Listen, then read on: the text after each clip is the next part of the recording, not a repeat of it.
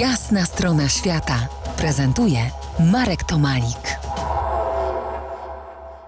Eleonora i Andrzej Mellerowie w podróży kamperem do Kabulu, hipisowskim szlagiem przez Turcję, Gruzję, Armenię, Iran i Afganistan. Afgańczycy nie zastanawiają się, jak żyć. Tu ludzie myślą, jak i kiedy umrą. To mocne słowa z waszej książki, ale które chyba właściwie znaczą i tam na miejscu, w tym kraju, niepodobnym do innych, i w tej waszej książce. Skomentujcie te słowa, proszę. Ja mogę powiedzieć na przykład, jak pytałam dziewczyn, których spotykałam w Afganistanie, na przykład, o czym ty marzysz?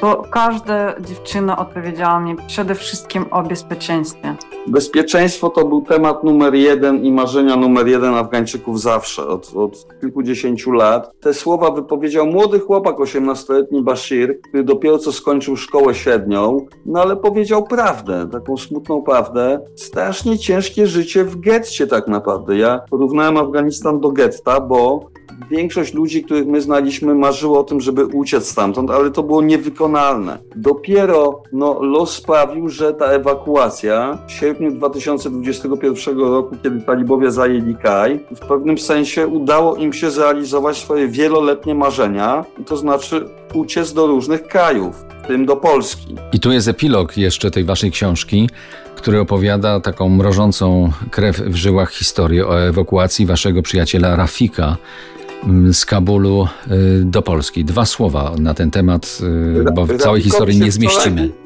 Tak, Rafikowi się wczoraj w Warszawie urodziła trzecia córeczka, już, y, że tak powiem, made in Poland, bo ona w obozie w Łukowie doszło do poczęcia, jak sobie policzyliśmy.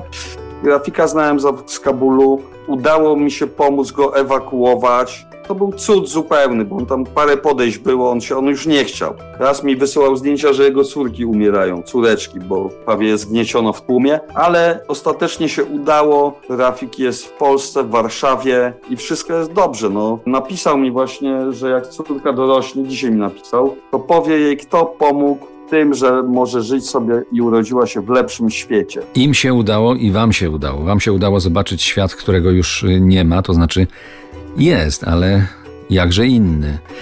Y, uwinęliście się tuż przed pandemią i opuszczeniem Amerykanów. Afganistan przechodził już wielokrotne metamorfozy. Gdzie teraz zmierza? Tak y, jednym zdaniem, gdybyś y, próbował, gdybyście próbowali odpowiedzieć na to pytanie. Jednym zdaniem nie, nie wiemy przewidzieć przyszłość Afganistanu, a ja o nią pytałem od zawsze Afgańczyków i nic się nie sprawdzało. Przypomnę, moimi i waszymi gośćmi byli Eleonora i Andrzej Mellerowie w podróży kamperem do Kabulu, hipisowskim szlakiem przez Turcję, Gruzję, Armenię, Iran i Afganistan. Książkę bardzo gorąco polecam, czyta się ją świetnie, a Wam za udział w programie bardzo dziękuję. Dziękujemy, Dziękujemy. bardzo. To była jasna strona świata w RMF Classic.